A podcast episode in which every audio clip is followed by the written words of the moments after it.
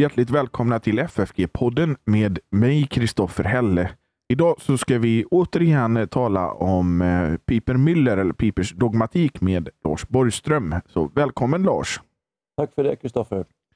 Men innan vi går in på det så vill jag eh, påminna om att det finns möjlighet om man vill att ge en gåva till den här poddens och församlingsfakultetens arbete. Gör det gärna på Swish. Numret är 123 100 8457. Det finns också i avsnittsbeskrivningen och eh, på vår hemsida ffg.se. Och när jag ändå påminner om ffg.se så vill jag påminna om eh, bibelkonferensen och eh, den kurs med Paul Rabe som är. Och då är kursen med Paul Rabe är den 21 till 22 eh, februari och det är anmälan på det info.ffg.se och sen är det bibelkonferens den 23 till 24. Ingen anmälan utan bara att dyka upp.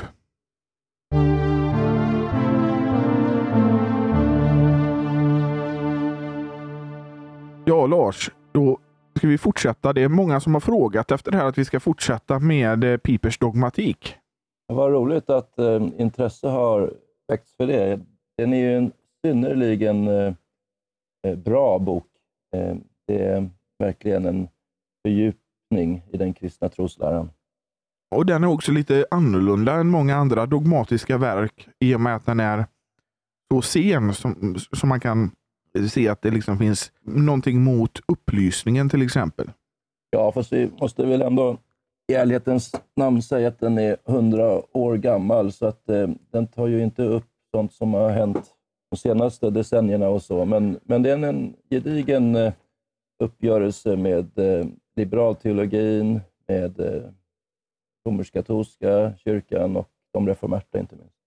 Och eh, Det vi hade tänkt att tala om idag, det är ju det här som heter teologi och system. Ja, och det är ju faktiskt verkligen någonting som äger sin aktualitet ännu idag på 2020-talet. Och det, Vi kan ju också säga att boken finns till försäljning på eh, församlingsfakulteten. Och då får man mejla info.ffg.se. Jag vet inte riktigt vad priset ligger på just nu, men jag tror att det är ungefär 50 kronor. Plus porto.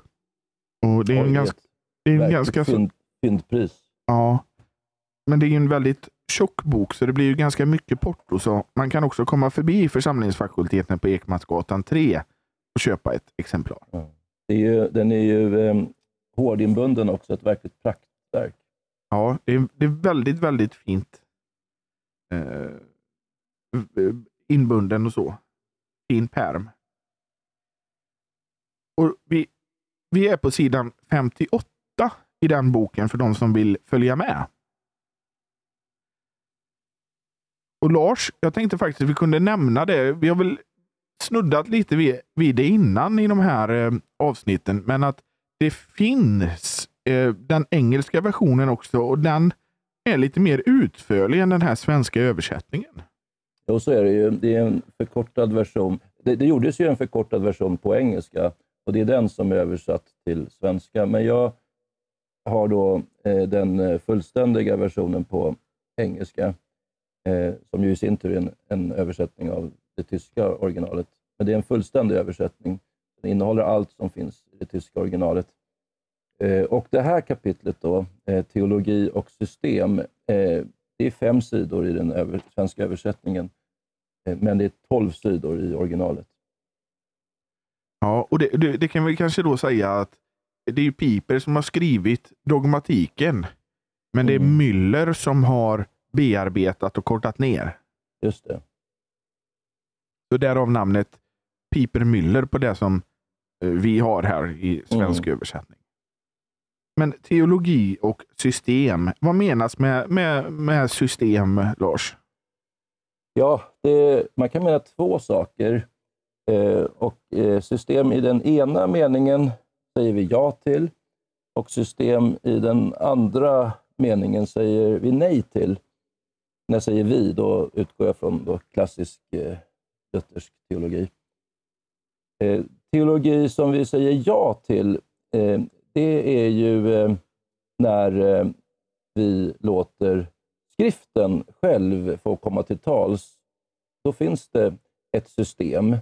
Eh, ja, det finns ett system på två sätt, säger ju Eh, piper här. Eh, dels så eh, är ju... ja, vi kan utgå från det som man sa på 1800-talet då att eh, den lutherska teologin har två principer som är viktigare än allt annat. Det är ju formalprincipen och materialprincipen. Så eh, utifrån formalprincipen, det är ju att det är skriften alena, eh, eftersom den är gudaingiven, den är ofelbar, så är det skriften ensam som bestämmer vad som är kristen lära det kommer direkt från Gud, från Guds mun. Gudsutandad eh, står det ju i, i den grekiska grundtexten. Andra Timoteusbrevet 3.16, ja. Precis. Så att vi hämtar alla läror direkt från skriften, eh, det kan man ju säga är en slags systematik i det. Och, och, vi är då på fullständigt säker lärogrund. Men om man studerar de olika lärorna i skriften så kan man också skönja en systematik där, i det innehållsmässiga. Och då är vi inne på materialprincipen.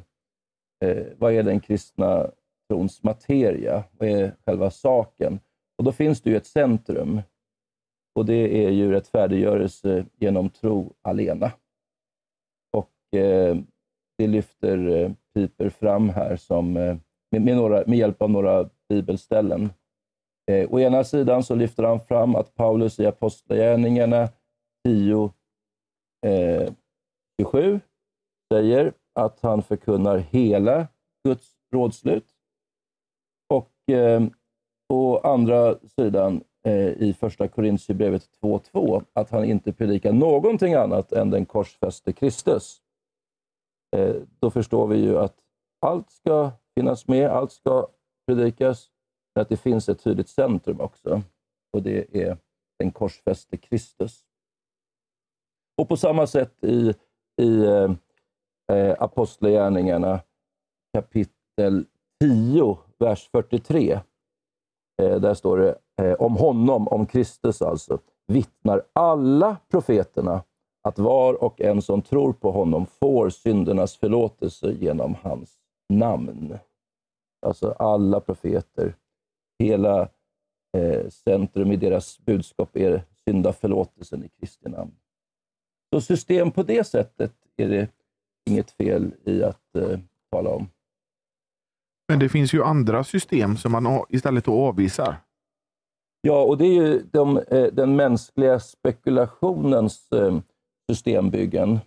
Men eh, innan vi går in på det kanske vi kan säga också att förnekar man, om vi nu utgår från det första system i, i, den första betydelsen, att allt som står i Bibeln är från Guds mun och ofelbart. Om man förnekar olika läror, eh, då kommer det också det systematiska fram på det sättet att det får följdverkningar på andra läror.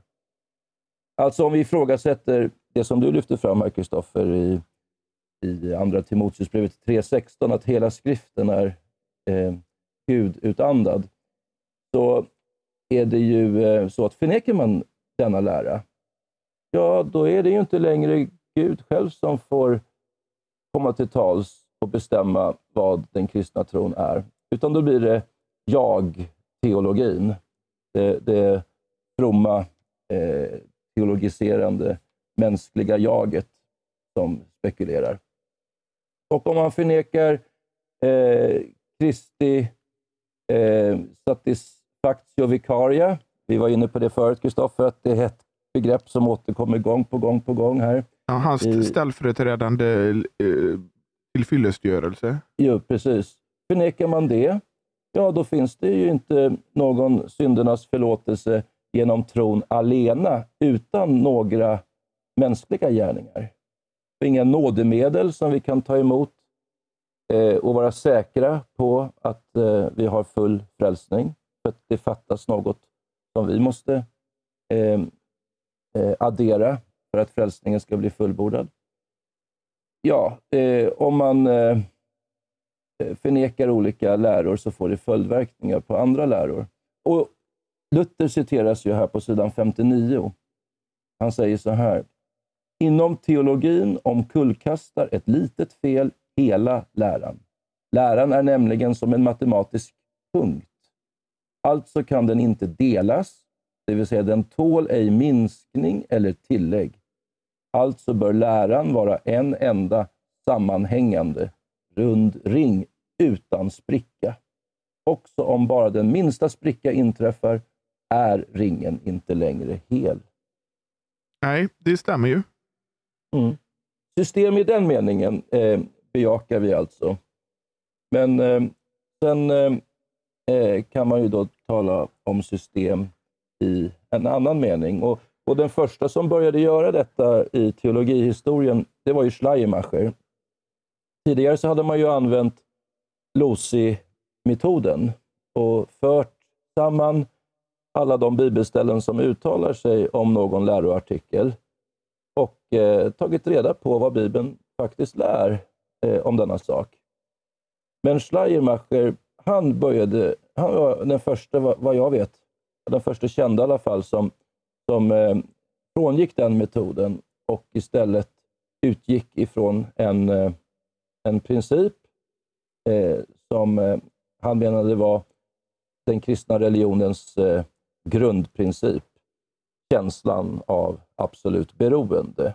Och så utlade han då alla eh, trosartiklar, alla områden inom läran eh, med det som utgångspunkt. Och istället för att titta vad, vad skriften faktiskt säger om de olika eh, läroartiklarna.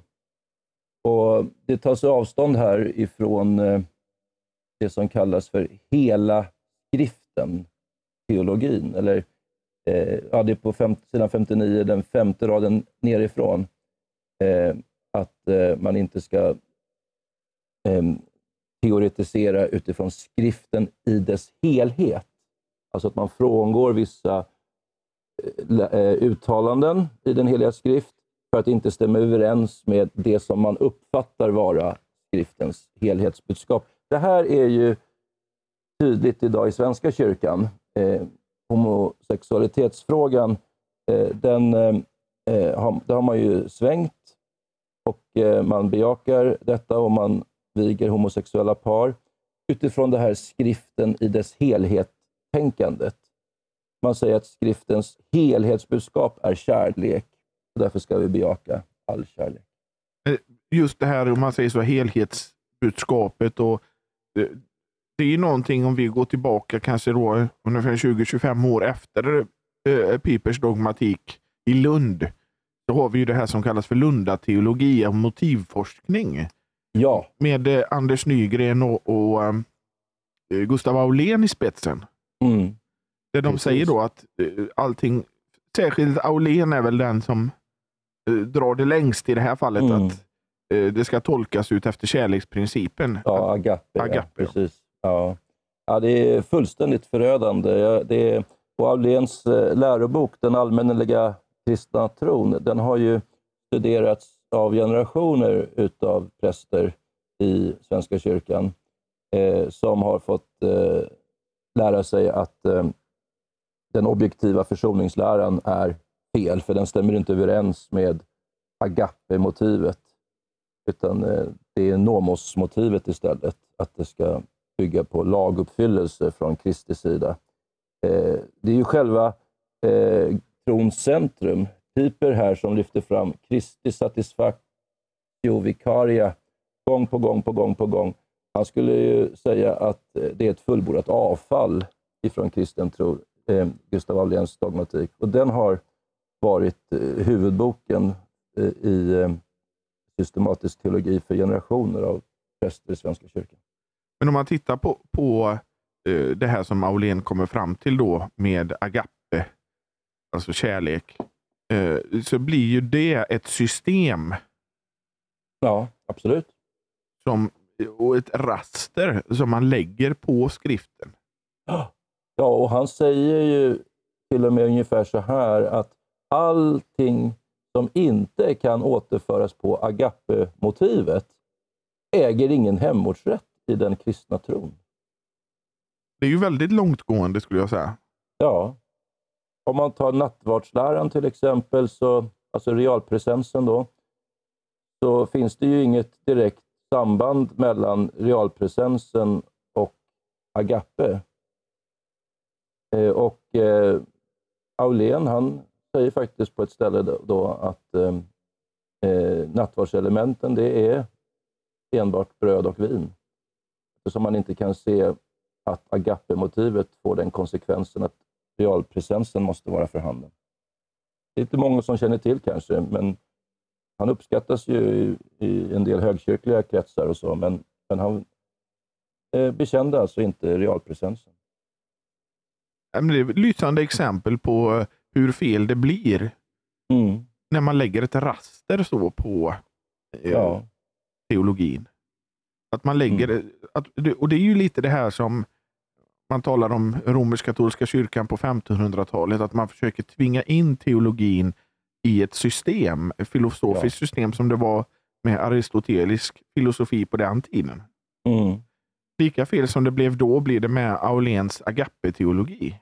Ja, som han har ju eh, ärvt, ärvt av eh, Nygren. Då. Ja, men jag tycker inte att Nygren går lika långt som Aulén. Nej, Aulén har, har, har ju gått längre än någon annan. Även Bring, Ragnar Bring gick ju väldigt långt, men jag tror att Aulén, eh, han säger alltså klart att det som inte kan direkt återföras på agape-motivet har ingen hemortsrätt i Nej. kristen tro. Sen hade du ju då eh, en sån som Gustav Wingren som var med på det här tåget från början, men sen vände sig emot det. Mm. Men det blev ju ännu värre. Och det, det jag tänkte kanske är så här, vi hade ett samtal med Jakob Appell för ett tag sedan, jag och du, när vi talade om amerikansk luthersk teologi. Ja. Och Då är det ju faktiskt så att både Aulén och Wingren har ju fått ett litet genomslag i USA. I, i ja. Delvis. Eh, alltså inte all deras produktion, men delvis. Mm. Det, det kanske inte alla är medvetna om eh, eh i eh, den konfessionella amerikanska lutherdomen. Eh, att, vilket eh, skadligt inflytande de har haft. Särskilt Aulén då. Nej, utan... Ja, du nämnde, vilka nämnde du nu sa du? Aulén och Wingren är det. Just det, särskilt Aulén. Då. Ja. Uh, men det, det, det, kan vara konfessionella teologer från USA som kommer till Sverige och så använder de de här namnen för att de tänker att de ska göra det för att de är just svenskar. Men ja. vi, de, har, de har ju bara en selektiv del av deras produktion översatt till engelska. Ja, ja. Medan vi har så mycket mer och har sett konsekvenserna på nära håll här. Ja, visst. Precis. Men det, jag tänkte just det med att tvinga in det i aristotelisk filosofi och tvinga in det med agape-motivet. Eh, det är alltså ett system som gör mm. att det går fel helt enkelt. Ja. Och eh, eh, Piper här, han lyfter ju fram, eh, det står på sidan eh, 59 hur man ska göra istället. Eh, han säger att det, det riktiga, det, den riktiga metoden, den består i att hämta den kristna lärans samtliga stycken direkt ur de skriftens utsagor som handlar om vederbörande läror. Alltså Lossi-metoden. Ja. Eh, sen erkänner ju eh, Piper här också att gör man detta eh, så får man inte ett helt och hållet eh, sammanhängande system, utan det finns vissa luckor eh, som eh, eh vi inte kan fylla ut. Eh, vissa eh, läror eh, står liksom mot varandra eh, och kan inte eh, harmoniera logiskt med varandra. Eh, ett exempel som han tar eh, det är ju varför blir, nu är jag högst upp på sidan 60, varför blir somliga frälsta men inte andra? Eh, vi kan förklara varför vissa blir frälsta, därför att Gud har frälst dem. Han ville deras frälsning. Vi kan förklara varför människor, andra människor blir, går förlorade. Det är deras eget fel, deras egen ondska och otro. De här två eh, sanningarna som klart och tydligt lärs i Bibeln kan vi inte få ihop logiskt. Eh, eller hur Kristi eh, två personer, förlåt, eh, Kristi två naturer, Naturer, en ja. person, två naturer. Hur, det- hur det går upp, hur kan en, en person vara både Gud och människa? Eh, vi får lämna luckor helt enkelt. Eh, och då hänvisar ju han här också till första Korintierbrevet kapitel 13, eh, vers 9. Eh, där står det ju att eh, eh, vi eh, förstår bara till en del och profiterar till en del. Eh, vi gör rätt i då att eh, inte försöka bringa de här olika eh, skriftställena i eh, eh, logisk överensstämmelse med varandra. Man, man brukar ju säga det att Gud har upp, eh, uppenbarat i skriften vad vi människor behöver för vår frälsning. Mm. Sen kan Gud så mycket mer, om man vill uttrycka det, teologi Ja, som övergår vårt förstånd. ja. Och det får vi eh, vänta med och lära oss eh, till eh, den eviga saligheten. Apropå det här med Kristi två naturer så sa ju Melanchthon att eh, när han kommer hem till den eviga saligheten, då, då skulle han verkligen fördjupa sig i, i läran om Kristi två naturer. Det, det står ju så. Jag tycker att det är ett väldigt fint uttryck här. Att vår lära om Gud förblir fragmentarisk i detta livet. Och konsten är ju då att eh, sätta handen för munnen på, vid rätt ställe. Alltså, så länge skriften uttalar sig så ska vi uttala oss, vara tydliga och klara, lika tydliga och klara som Bibeln är. Men sen ska vi inte spekulera utöver det. Nej. Sen, sen tycker jag ju det att man kan ju alltid diskutera och fundera och, och, och be över olika teman som man inte förstår. Mm. Mm. Men man får ju inte ta de här funderingarna på blodigt allvar om man nu ska uttrycka sig så. Men det, man måste ju kunna diskutera saker man kanske inte förstår eller saker som man tycker är svåra. Men, men verkligen. Eh, så vi får ställa vilka frågor som helst och, så får vi se om vi kan finna svar i Bibeln på, på, de, på de frågorna. Och eh, kan vi inte få klara svar så ska vi inte själva sen heller uttala oss med bestämdhet. Men jag tänkte man kan ju diskutera med, en- med en, en, en rätt lärare eller bara en medkristen. Mm. Men man får ju inte komma fram till några egna läror eller egna slutsatser som eh, till exempel förbjuds i skriften eller som det inte står någonting om i skriften. Nej. Sen så tycker jag att en bra sak med de här Pipers dogmatiska verk, det är det här att han ofta lägger upp punkter som kommer Mm. i varje kapitel och det gör han även i detta kapitel. Mm. Och Det då, avslutas här med eh, fem punkter i den svenska översättningen. Men då har man tagit bort en punkt. Eh, punkt fyra i den engelska översättningen som jag har, har fallit bort. ska vi göra så att vi går in på punkt fyra som sista punkt då. Mm. Men vi kan gå igenom de här punkterna lite och det är ju den första är att det finns en enda bok i världen, nämligen Bibeln, som är fullkomlig och ofelbar. Kristus och hans apostlars auktoritet står bakom eh, detta påstående, både när det gäller gamla och nya testamentet. Och Här tycker jag är en viktig påminnelse om att det gäller även Gamla Testamentet. Ja. Det är alltså eh, formalprincipen som lyfts fram här. Den ändrar säkra grunden för teologin. Eh, Bibeln är till alla delar ingiven av Gud därför är den, eh, den enhetliga, gudomliga sanning som inte kan bli om inte. Det är bra att det kommer som punkt ett.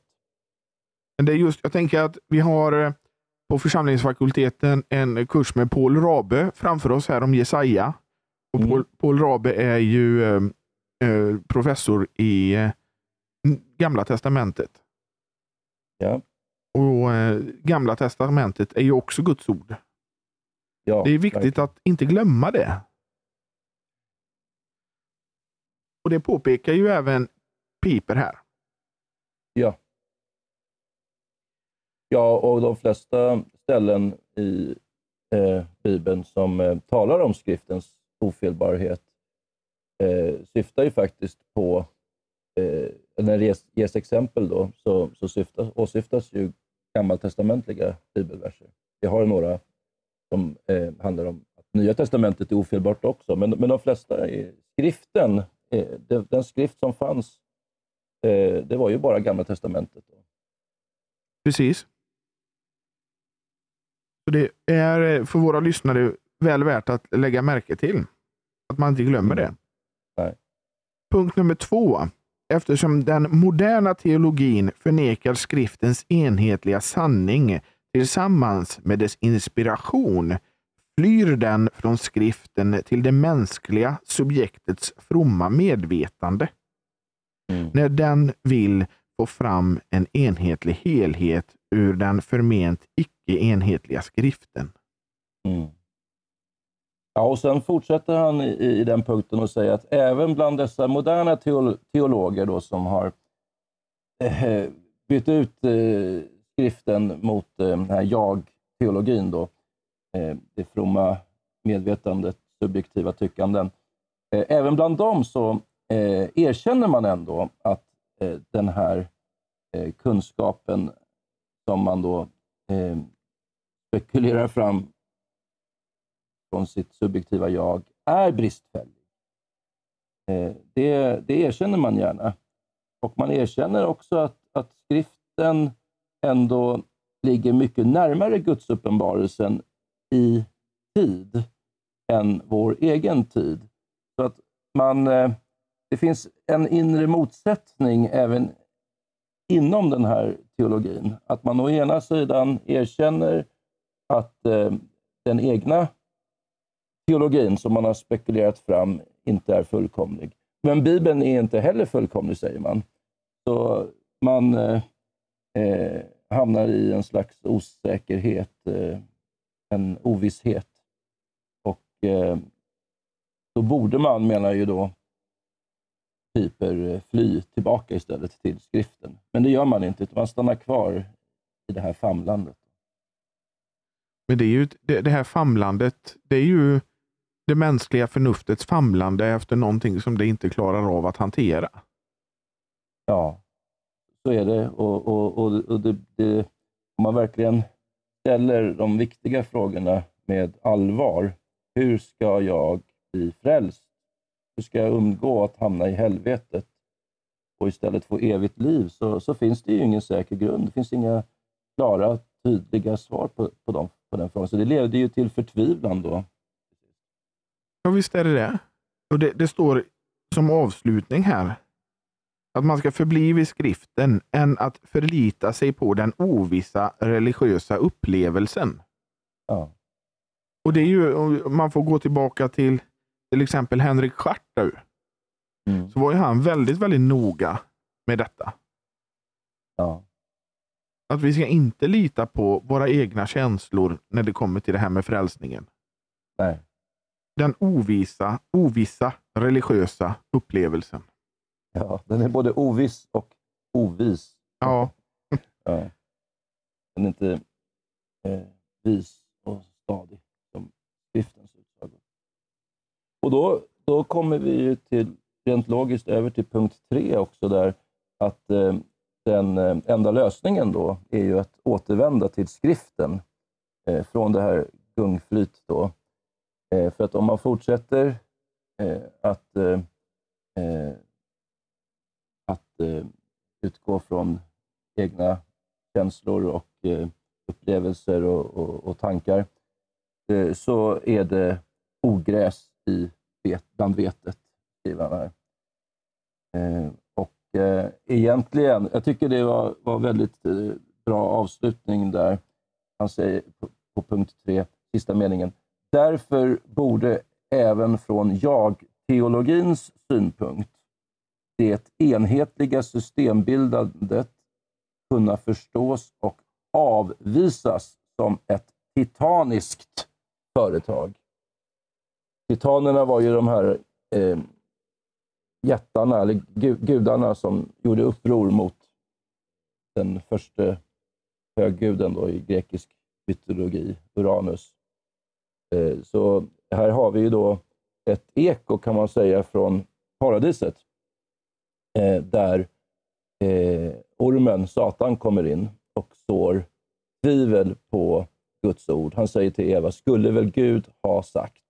Och så lämnar man då Guds ords fasta grund och så börjar Eva och, och, och, tänka ut egna tankar. Och då är det alltså att man reser sig upp emot Gud. Det, var ju, det ligger ju i ormens frestelse också. Ät av frukten så kommer ni att bli som Gud. Att Eva skulle då detronisera Herren som Gud och göra sig själv, eh, jag-teologin, sina egna subjektiva tankar eh, till högsta norm. Det är eh, som titanerna gjorde då i den grekiska mytologin också, att de, de eh, dödade den högste guden. Jag tycker att Luther i Lilla katekesen förklarar det så bra att fin, finns det några andra gudar? Nej, det gör det inte, utan det finns bara inbillade gudar, andra mm. gudar. Ja. Så man inbillar sig själv att man själv är Gud helt enkelt i den här jag-teologin. Mm. Sen kommer vi till punkt fyra, vilket jag tycker är lite intressant. Ja.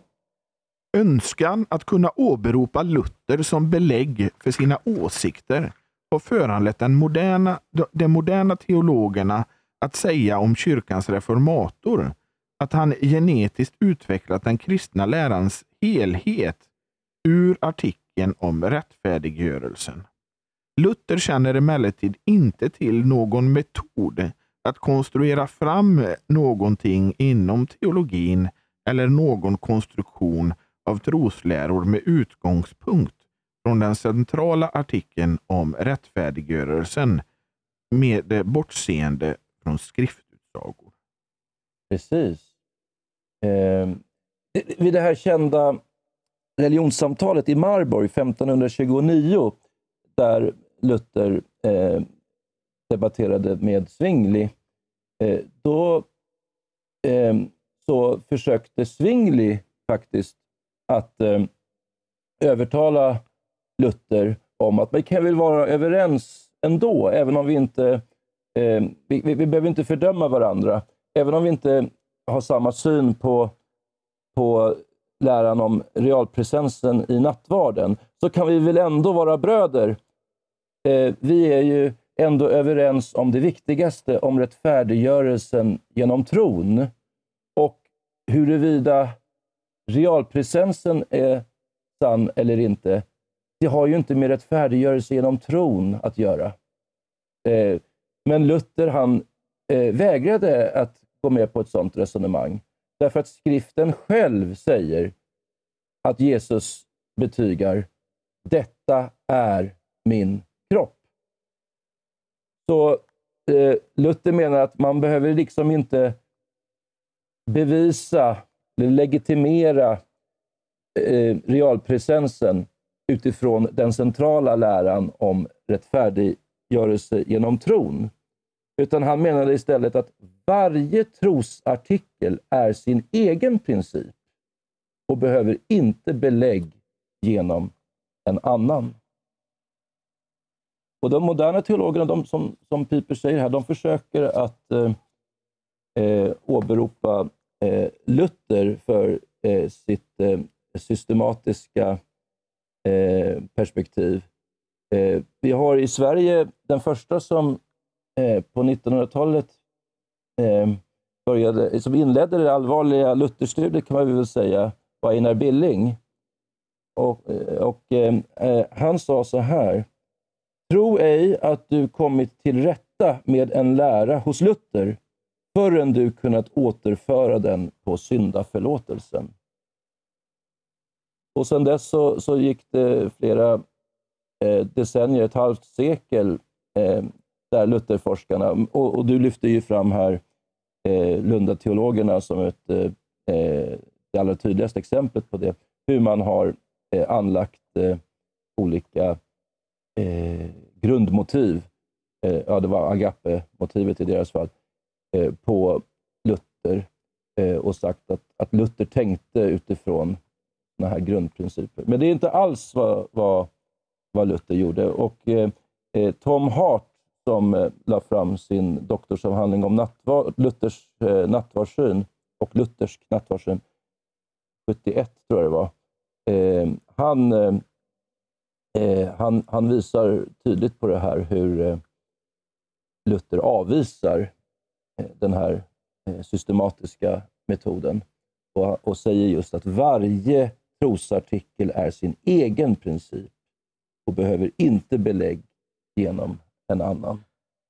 Det står här i eh, Piper att Luther förklarar nämligen att var och en som förnekar någon artikel i den kristna läran förnekar Gud i hans ord och gör honom till en lögnare.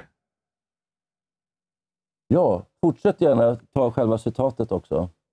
Han, vad, han, vad han skriver exakt i, i citatet. Ja, eh, ja. Den som inte rätt tror på en enda artikel eller som inte vill tro på den sedan han förmanats och undervisats han tror förvisso inte på någon artikel med allvar och tro.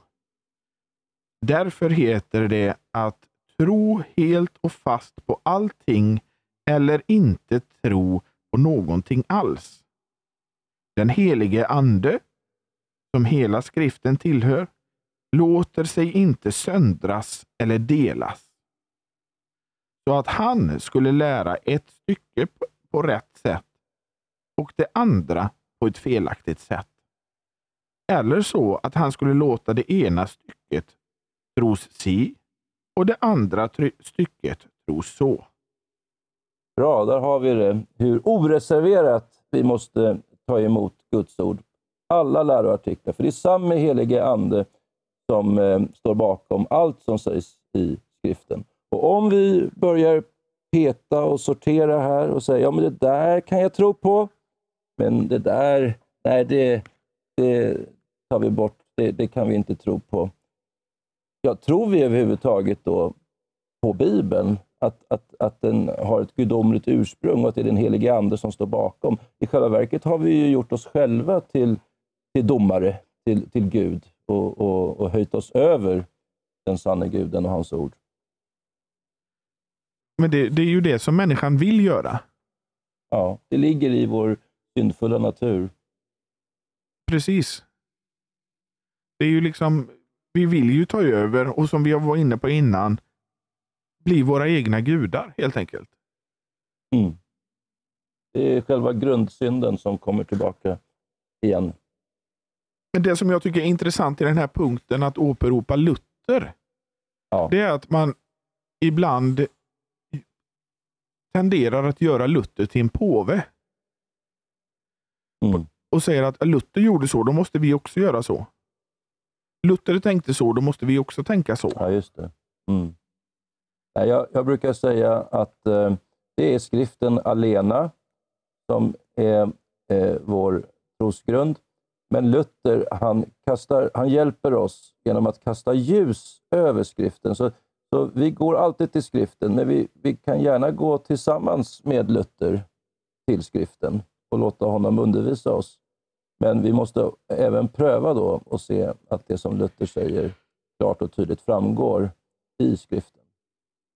Men jag tycker det är viktigt att påpeka det här att Luther, han hade ju faktiskt en felaktig bakgrund, en heretisk bakgrund i den romersk-katolska kyrkan som han vände sig emot. Ja. Och Jag vet att ett samtal som jag ofta återkommer till och som jag hör att det är faktiskt många som refererar till, det är det som jag hade med Robert Kolb om vad han kallar för evangelical maturation, alltså evangelisk Mm. mognad. Just Och det är att det, ju längre tiden går, desto mer släpper Luther på de här romersk-katolska lärorna och bruken och traditionerna.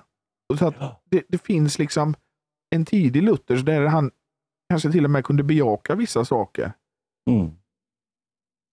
Men- Det finns en tidig Luther eh, före Eh, det reformatoriska genombrottet, eh, tonupplevelsen, som väl var 1518, 1519 någon gång. Och sen finns det en, en, en reformatorisk Luther eh, som har kommit till klar insikt om rättfärdiggörelsen. Men även hos den reformatoriske Luther så kan man också se en stegvis utveckling på, på några områden. Och jag menar att det är inte Luther som person, utan det är hans sätt att tänka som är det stora. Mm. Och det är ju skriften alena. Ja, och tron alena, dessa två grundprinciper som vi kallar formal och materialprincipen. Men det är som sagt då lätt att vi gör Luther till en påve, till en personlig förebild istället för det som jag tycker är hans ärende, nämligen skriften. Mm. Jag håller med. Så det, jag tycker att det var en mycket talande punkt och det kanske var- just därför jag föreslog att vi skulle tala om just detta ämne. Mhm. Jag tyckte att det var en, en väldigt bra punkt. Mm. Sen har vi då den femte punkten. Mm. Ja, eh, det kan man väl sammanfatta på det sättet att det finns ett... Vi, vi sa ju förut att det finns i den sanna teologin så finns det vissa luckor som vi inte kan fylla ut. Eh, vi kan inte förstå hur det går ihop det här med att eh, Kristus är både Gud och människa. Eller att det är bara Guds förtjänst att vissa blir frälsta och det är bara människors eget fel att de går förlorade. De här luckorna, eh, det, eh, det, och då hänvisar ju Piper till första Korintierbrevet 13.9 där, att eh, vi inte har den fulla eh, kunskapen nu. Eh, det där kan utnyttjas på ett felaktigt sätt också. Att en del moderna eh, teologer, de har vänt sig bort ifrån eh, ett sånt här heltäckande systembildande. Eh, eh, och eh, de, för att de vill värna mysteriet, eller de vill, vill värna irrationaliteten, det paradoxala. Eh, men de har inte vänt tillbaka till skriften. utan De är fortfarande in, eh, på jag-teologins område och eh, liksom tycker, tänker att vi ska vara ödmjuka här och, och låta paradox, det paradoxala finnas kvar och så. Men eftersom man inte har gått tillbaka till skriften så eh, låter man fel saker eh, vara luckor, så att säga. Eh, eftersom man inte har gått tillbaka till skriften, utan det är fortfarande jaget som spekulerar, så, så, så blir det så illa att eh, det som är tydligt och klart i Bibeln och eh, absolut frälsningsavgörande, att vi blir saliga genom tron alena, eh, att Kristus har gjort allt för oss, att, att sådana saker dras i dunklet då, då som inte alls är oklara eh, eller är att betrakta som, som luckor. Utan eh, ja, det blir bara ovisshet om frälsningen och, och sanningen eh, till sist, när man inte vänder tillbaka till skriften. Har man gjort det, gått tillbaka till skriften, då blir det som i skriften är eh, sånt som går utöver vårt förstånd, eh, det får vara luckor. Men de saker som vi ska vara alldeles vissa om, eh, det får inte vara eh, oklart som det blir när de här eh, mer ödmjuka då, moderna teologerna vill kasta ett, eh, paradoxalitetens eh, eh, skimmer eller, eller mörker kanske man kan säga snarare över det hela. Ska vi göra så Lars att vi tar den här sjätte punkten, eller som egentligen var den fjärde punkten, som avslutning? Ja, just det, som inte finns i den svenska översättningen. Eh, det är ett exempel på hur eh, det teologiserande jaget blir utgångspunkt för teologin. Eh, Schleiermacher han förde ju fram en grundprincip, då, känslan av det absoluta beroendet eh, som den kristna religionens eh, grund. Eh, och så kommer då eh, i hans efterföljd Erlangen, teologerna och, och, särskilt en som nämns då här i eh, Pipers eh, eh, eh, bok i engelsk översättning, en som heter Konrad Hoffman. Och han drog subjektiviteten då till sin yttersta spets. För han menade att teologens uppgift det är att undersöka, när han ska fastställa vad den kristna tron är, så ska han inte gå till Bibeln, utan han ska undersöka hur den kristna tron tros av troende människor. Det är den kristna tron. Eh, och eftersom han själv räknade sig som kristen så tyckte han då att han kunde gå in i sig själv, i sitt eget hjärta och ta reda på hur han tänkte och trodde om olika områden i den kristna tron. Eh, och föra fram det som den kristna tron. Han sa så här, det är ett känt citat, eh, det finns inte med förresten i Pipers eh, översättning här, men jag har stött på det annat, annars. Han sa så här. Jag själv som kristen är för mig som teolog det egentliga stoftet för min vetenskap. Där har vi ju subjektiviteten som utgångspunkt i, dess allra, eh, i det allra klaraste uttrycket. Men det där låter ju väldigt modernt. Ja, det är många som är... I det här postmoderna samhället. Men jag tänker så här, ja. att om det är någon som har är någonting så är man expert på det och man kan inte bli ifrågasatt. Mm. Det är min sanning.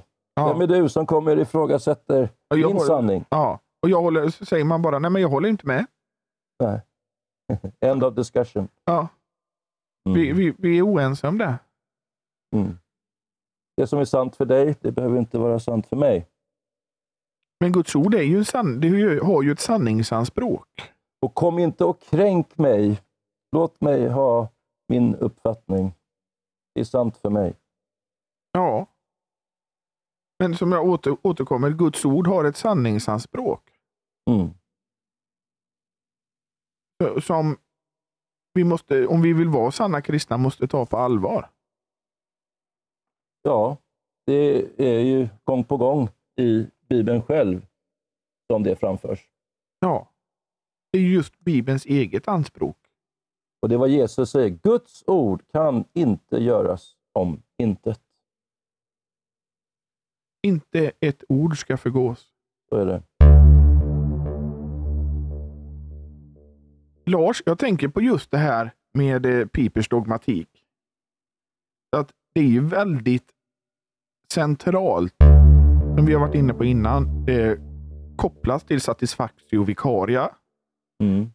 Och det, det är liksom väldigt Kristus-centrerat. Ja. Jag vet en del som läser Piper Millers kristen dogmatik faktiskt som eh, andaktslitteratur. Att det är så uppbygglig teologi så att det fungerar som, andakt, som andaktslitteratur. Oj, det visste jag inte. Mm. Alltid lär man sig något nytt.